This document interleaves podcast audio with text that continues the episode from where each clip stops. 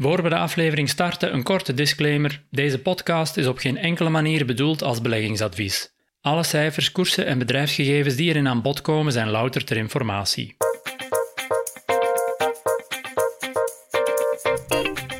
Welkom bij Mastermind, een podcast van Inside Beleggen en Trends. Ik ben Jeff Poortmans. Elke aflevering spreek ik met beleggers, fondsbeheerders, strategen of analisten over hun beleggingsaanpak en hun visie op de financiële markten. In deze aflevering is Vincent Juvijns te gast. Hij is marktenstratege bij JP Morgan en daarmee de geknipte gast om nog eens met een macrobril naar de financiële markten te kijken.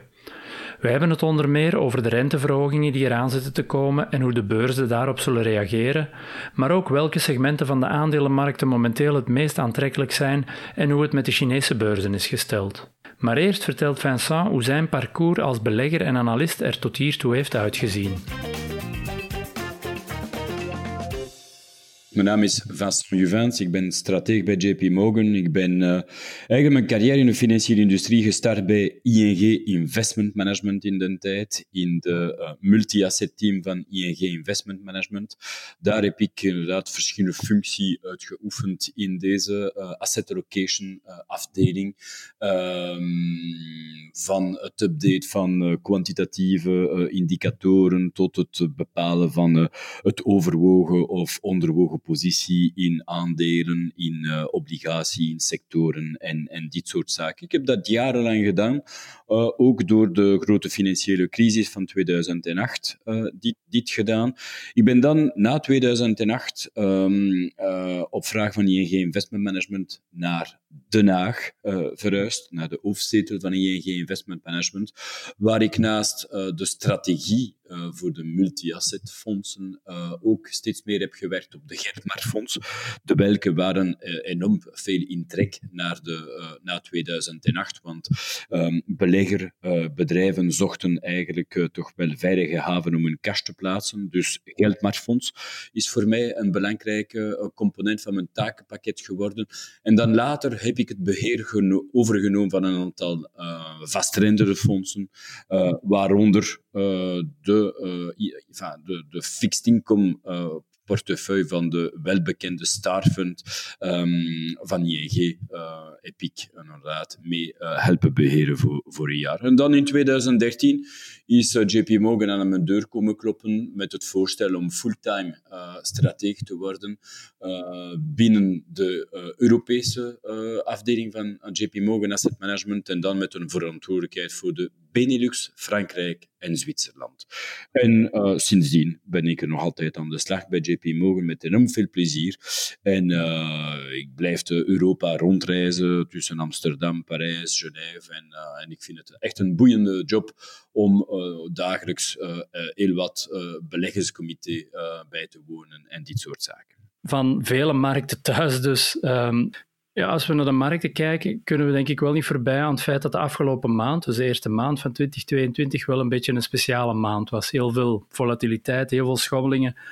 Ja, hoe, hoe heb jij daar naar gekeken? En, en wat zijn volgens jou de redenen of de oorzaken van die, van die felle bewegingen die we toch gezien hebben in januari? Oh, het is uiteraard een combinatie van verschillende factoren. Ik denk één dat dat uh, toch wel dat de toename van de volatiliteit wel conform verwachting. De meeste strategen, ik zeker, hadden dit wel uh, eind vorig jaar aangekondigd. Volatiliteit was eigenlijk uh, bijzonder laag geweest, gemiddelde vorig jaar. Dus we wisten dat vanwege de inflatie, van de onzekerheden rond inflatie, onzekerheden rond monetair beleid, onzekerheden rond de, de, de, de, de, de COVID-toestand en dan onzekerheden die al toen bekend waren over geopolitieke spanningen, uh, gingen sowieso volatiliteit voeden. Maar uit de, uit de factoren die het meest gewogen hebben op de financiële markt in begin dit jaar, denk ik dat dat zeker de communicatie van de Fed rond monetair beleid, uh, die toch snel veranderd is. Tot eind november was er nog geen sprake van uh, veel renteverhoging in 2022. Allee, ik denk dat de consensus rond 2 à 3 renteverhoging uh, was, uh, met een mogelijke stopzetting van de activa aankoop in juni 2022. In enkele weken tijd is die uh, verwachting van 2 à 3 renteverhoging gepasseerd naar bij 5 à 8 renteverhoging en een stopzetting van de activa, van, de activa aankoopprogramma in maart 2022. Dus eigenlijk een toch snelle verandering van, van communicatie. En dus we moeten dan toch wel een, een minder soepel monetair beleid verwachten dit jaar. En dat heeft uiteraard wel geleid naar uh, een stijging van de rente. Op dag van vandaag zitten we dus op, op 1,9 procent. Dus dat is toch in een korte tijd toch wel uh, serieus gestegen. En we weten dat uh, uiteraard wel de rente voor aandelenmarkten. Uh, dat is de discontovoet aan de welke we inderdaad toekomstige cashflows vandaag gaan actualiseren. Dus die, die, die rente gaat mee bepalen wat dat de huidige koers is van die toekomstige cashflows. Uh, en men heeft inderdaad gezien dat die, die, die, die, die oplopende rente hebben vooral gewogen op de duurste aandelen, dus de zogenaamde groei aandelen, zoals de tech-aandelen in Wall Street bijvoorbeeld, die daar de meest last van gehad hebben. En logischerwijs, dit zijn de um, zogenaamde waardeaandelen, aandelen met een iets aantrekkelijker uh, waardering, die daar eigenlijk de schok nog het, het best geabsorbeerd hebben. Dus wij hebben dus aandelenmarkt onder druk gezien vanwege die stijgende rente, maar dan vooral de groeiaandelen die daar de meest uh, kwetsbaar waren voor die, die rentestijging. Centrale banken blijven bepalend voor, uh, voor wat er gebeurt op de financiële markten.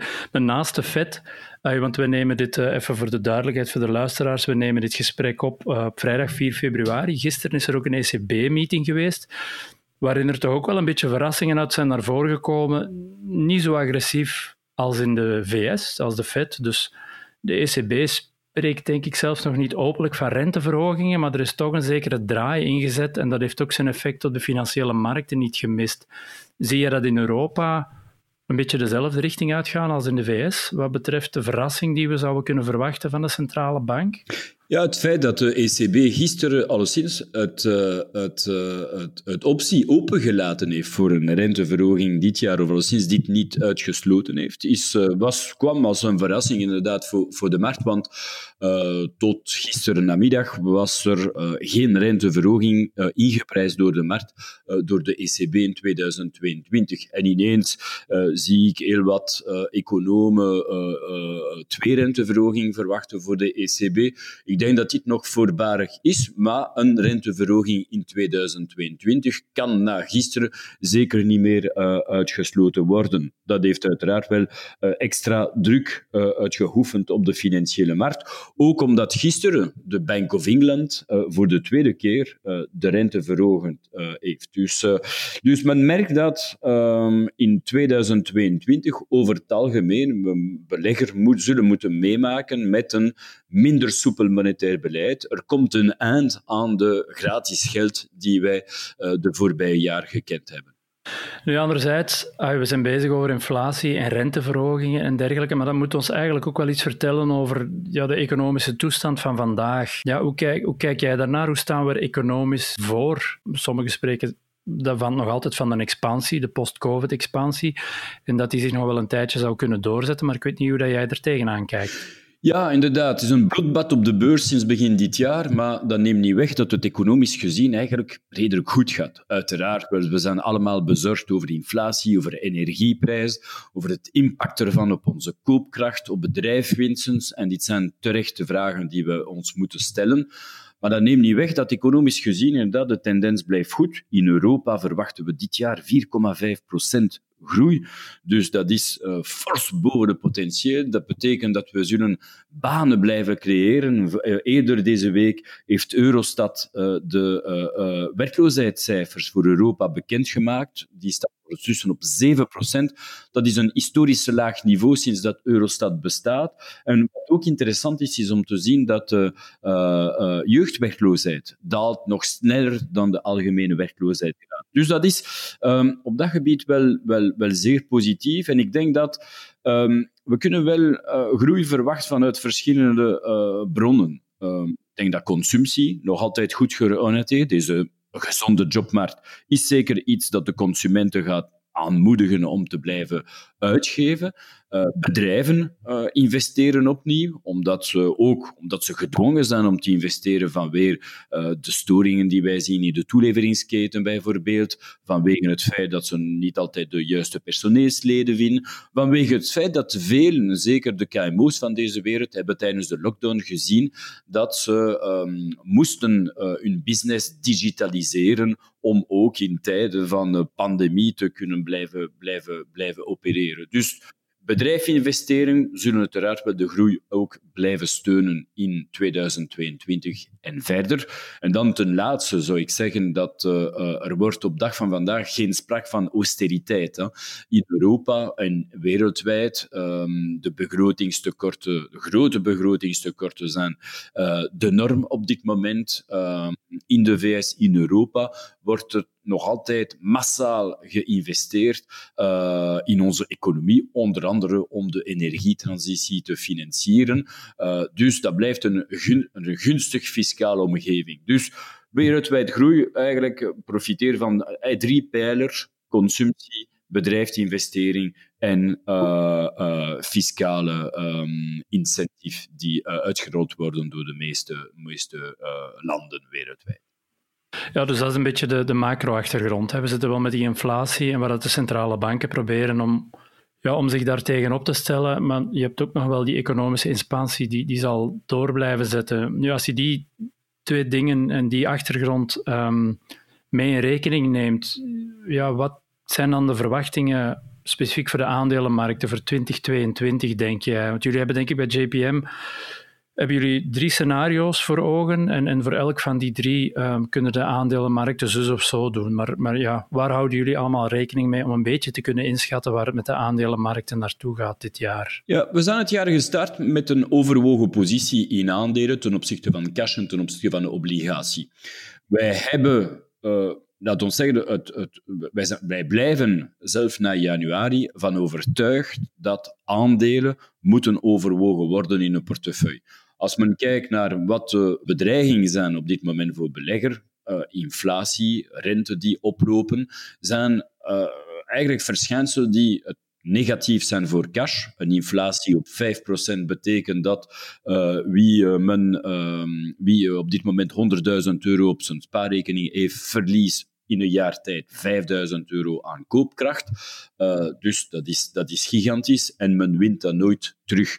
Ook op obligatiemarkten. We zien dat uh, ineens in Europa de rente in Duitsland weer positief zijn. Dat zal, uh, dat zal blijven duren. Dus in reële term had men al geen positieve rendement, maar dan rekening houden met het feit dat de obligatiekoers ook naar beneden gaan naar gelang de rente oploopt, is dat nog negatiever. Terwijl aandelen eigenlijk een goed bescherming bieden ten opzichte van inflatie omdat ja, de consumentenprijzen zijn niets anders dan de verkoopprijzen van onderneming. Dus er is daar een zeker bescherming over. Uh, bedrijven kunnen ook meer, beter dan ooit hun marge beschermen, want op dit moment is het niet taboe om de prijzen te verhogen. Dus ze kunnen in principe hun marge beter beschermen op die manier. Um, dus aandelen blijven, of, van, van, wat, van, ons betreft, wel de place to be. Ook vanwege het feit dat we zien dat de volatiliteit is vooral gevoed door die uh, oplopende renten en uh, de perspectief om een minder soepel monetair beleid te hebben. Maar fundamenteel gaat het goed met aandelen. Als je kijkt naar de winstcijfer van de meeste bedrijven, die blijven, blijven, blijven sterk. Uh, we zijn halfweg in de winstenseizoen in de VS. men spreekt nu on, ongeveer van een winstgroei van 36% in het vierde kwartaal van het jaar. Dat blijft sterk. Dit jaar, 2022, verwachten 8 à 10% winstgroei. Dat blijft ook relatief beter dan wat we de voorbije tien jaar gezien hebben. Dus dat zijn allemaal rugwinden voor aandelen. Maar uiteraard, aandelenmarkten zullen volatiel blijven zolang dat we uh, eigenlijk de, de, de renteverhogingproces niet gestart is. Uh, dus het kan, het kan nog altijd wel, uh, wel, wel, wel, wel moeilijk zijn op aandelenmarkten. Maar Uiteindelijk is het een vrij normale omgeving. Wij hebben de voorbije jaren vergeten dat volatiliteit ook deel uitmaakt van de alledaagse leven van beleggers. Uh, wij hebben de voorbije, bijvoorbeeld als men kijkt naar de, de, laatste 40 jaar voor de S&P 500, nou, er was gemiddelde elk jaar een daling van de, tussen de top en uh, het laagste punt van 14 procent. Dat hebben we vorig jaar niet gezien. Dus gemiddelde hebben we zo een drawdown, zoals we zeggen in het Engels, van 14%. Maar over die 40 jaar, um, de, de, het rendement van de S&P 500 was positief 32, 32 jaar. Dus in 75% van de gevallen is, is, is, het, is het positief op de beurs, maar we moeten wel verwachten dat volatiliteit gaat toenemen. Dus Kortom, we blijven positief op aandelen. We erkennen dat er op dit moment veel risico's zijn, dat volatiliteit ook zal blijven en dat per saldo aandelenmarkt nog altijd onder druk zullen staan. Maar tegen jaareinde verwachten we wel over het algemeen een positief rendement voor aandelenmarkt.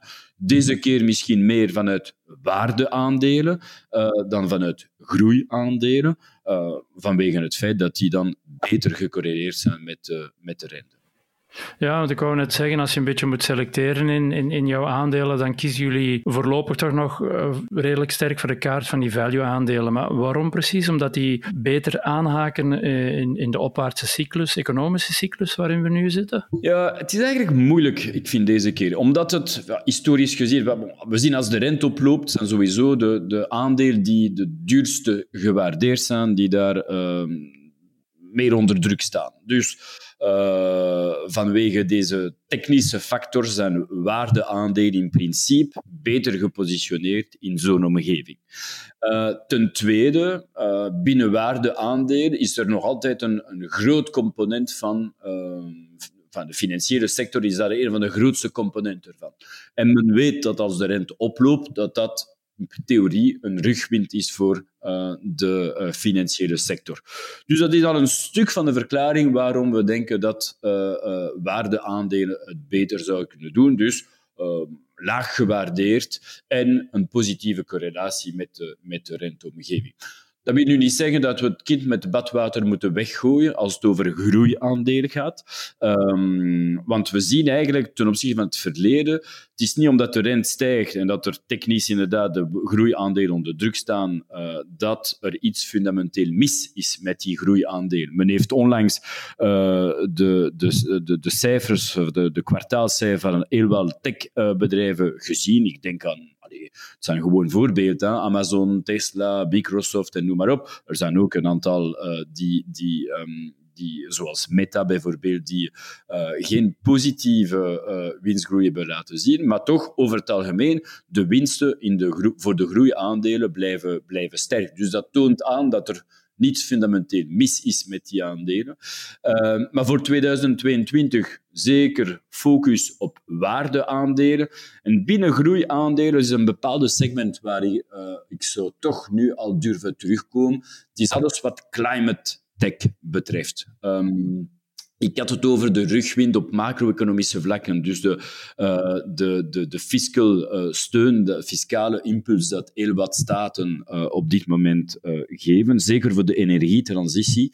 Er zal dit jaar miljarden, in de komende jaar honderden miljarden geïnvesteerd in de energietransitie. En dat is, dat is een voor ons een structureel thema waaraan um, beleggers nu al zeker geld uh, zouden moeten allokeren. En het goed is, is dat ja, die verkoopgolf dat we nu zien op dit moment, die inderdaad vooral uh, de koersen van de, de groeiaandelen naar beneden brengt, is, zeker, is wat mij betreft ook waarschijnlijk een opportuniteit om al positie te nemen in dit sector. Um, Voilà, dus een goede combinatie tussen waardenaandelen en uh, groeiaandelen in de uh, climate, uh, climate sector. Zeg, moet je dan binnen die groeiaandelen ook een beetje kijken? Want ik maak er altijd graag het onderscheid tussen. Ja, je hebt de groeiaandelen à Microsoft en Meta en Google. Ik vraag me soms nog af of dat we er goed aan doen om die groeiaandelen te noemen. Want als je ziet wat voor cashflows dat die genereren en wat voor cash dat die op, op de balans hebben staan, enfin, dat is een groot verschil met zo ja, groeiaandelen zoals Okta Cybersecurity of, of Peloton. Of moet je bij die climate groeiers ook weer al kijken naar degene die al, al cashflows genereren en dan daar meer, meer op inzetten? Of uh, ik weet niet hoe jij daar tegenaan kijkt. Het is een terechte opmerking dat je, doet, uh, dat je maakt hier over de, de tech-aandelen. Veel uh, staan onder druk op dit moment, terwijl inderdaad ben niet zeker dat we ze effectief nog groeiaandelen kunnen noemen.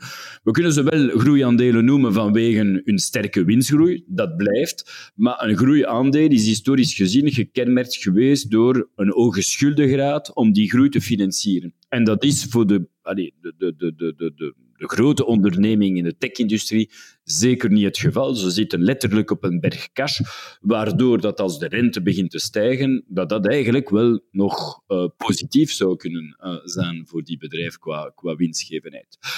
Nu, andersom, in de, uh, de groeisector die ik net noemde, dus climate tech, zijn we wel in een sector die wel minder matuur is. Dus waar we inderdaad uh, hebben te maken met iets hogere waardering en ook iets hogere schuldengraad. Dus dat is dan um, dichter van de effectieve definitie van de groeiaandelen. De vraag is, uh, zijn die prijs te hoog? En daar is mijn antwoord, ja, uh, het houdt rekening met een exponentieel of met een vrij sterke winstgroei in de toekomst. De vraag is, is dat, uh, kunnen we dit reden, effectief verwachten? Als ik zie uh, de commitment van heel wat staten, neem bijvoorbeeld de aankondiging van de VS eh, in december, de, de, die gaat uh, eh, 1200 miljard investeren in infrastructuur, groene infrastructuur, ladingpalen en zo in gans de Verenigde Staten. Neemt wat Europa doet met de Juncker-plan van 500 miljard, met het uh, herstelfonds van meer dan 700 miljard, met morgen de Green Deal. Dus wat massaal in deze richting geïnvesteerd. Wat doet dat men... ik heb er nog wel vertrouwen in dat die exponentiële groei in dit sector wel gaat komen. Dus, met andere woorden, als ik kijk naar de clean energy sector, uh, die noteert op dit moment op ongeveer 30 keer de, de winst, dat is wel aanvaardbaar. Dus uh, wat ons betreft, gezien de opportuniteit in dit sector. Zeg dan even een hele andere markt, China. Uh, en, en omdat dat toch in 2021 was dat een van de minder aantrekkelijke aandelenmarkten. Ja, ik vraag me af hoe je daar momenteel tegenaan kijkt. Maar misschien voor we het over de Chinese aandelenmarkten hadden. China was vorig jaar voor, wel, voor jou wel ja, de belangrijkste call, of, of een goede call die jij gemaakt hebt, maar dan niet op aandelen, maar dan eerder op obligaties, als ik goed begrepen had. Ja, inderdaad. Um, ik moet toegeven, je weet het, Jeff, dus sinds enkele jaren is China een sterke call bij JP Morgan Asset Management, op aandelenvlak uiteraard. Dus vorig jaar, zoals je zei, was dat, viel het een beetje tegen, maar na een uh, heel sterk jaar uiteraard de, de, jaren ervoor. Maar ook steeds meer op, uh, op fixed income vlak. En uh, dat is iets dat um, belegger ook te vaak ook vergeet. Ze denken aan China, ze beginnen positie te nemen in Chinese aandelen. En verrassend genoeg, het was een slecht jaar uh, vanuit een performance perspectief vorig jaar op China. Maar als ik kijk in onze flow, in onze fondsen, wij hebben eigenlijk sterke inflow uh, gehad. Dus de appetijt van Europese belegger voor China is groot. Um, ondanks de slechte prestatie van vorig jaar. Uh, Misschien eerst op aandelen. Wij zijn dit jaar weer positief op Chinese aandelen, want ja, na de uh, slechte prestatie van vorig jaar zijn die uh, redelijk laag gewaardeerd, relatief lager dan andere markten. Dus er is voor wie waardeaandelen zoekt, China hoort daar zeker bij. En dan, ik sprak van de winstgroei van de ontwikkelde markten, tussen 8 à 10 procent. Uh, in China is dat boven de 15, tussen 15 à 20 procent voor dit jaar en volgend jaar. Dus goedkopere waardering, betere winstgroei die verwacht wordt, maakt dat China, uh, wat ons betreft, uh, aantrekkelijk is. Daarboven, ik zou zeggen, we hebben het over uh, normalisatie van monetair beleid in Europa en de VS gehad. In China is dat het tegenovergesteld. Men heeft gezien dat nog in december de centrale bank heeft de zogenaamde Reserve Requirement Ratio laat ons maar dit als de rente beschouwen, verlaagd, wat een impuls heeft gegeven aan de economie. En inderdaad, je sprak over die uh, Chinese staatsobligatie. Dat is echt een van onze uh, voornaamste uh, aanbevelingen geweest vorig jaar. En dat blijft het geval voor dit jaar. En vorig jaar was dat een topprestatie, want in renminbi, dus de lokale munt, was de, rendem het rendement van een tienjaarsobligatie bijna 6% 5,7% om precies te zijn. Maar de renminbi is dan fors versterkt ten opzichte van de euro. die is dan met 10% versterkt. Dus een Europese belegger heeft met een uh, staatsobligatie eigenlijk in theorie 15% kunnen genereren.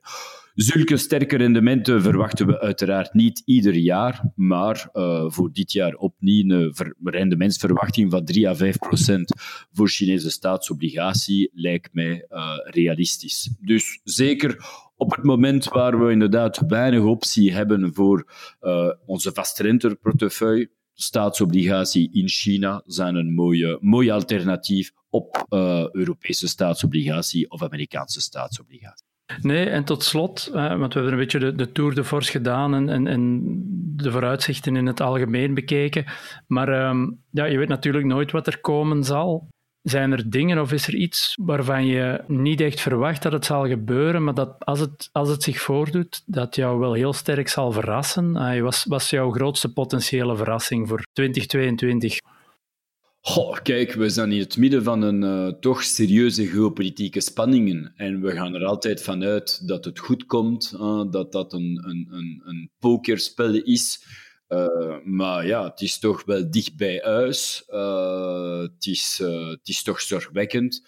We zien al het effect op onze energiefactuur, maar we, we zijn een generatie die de, die de oorlog niet gekend heeft. En laat ons maar hopen dat dit, dat dit zo blijft.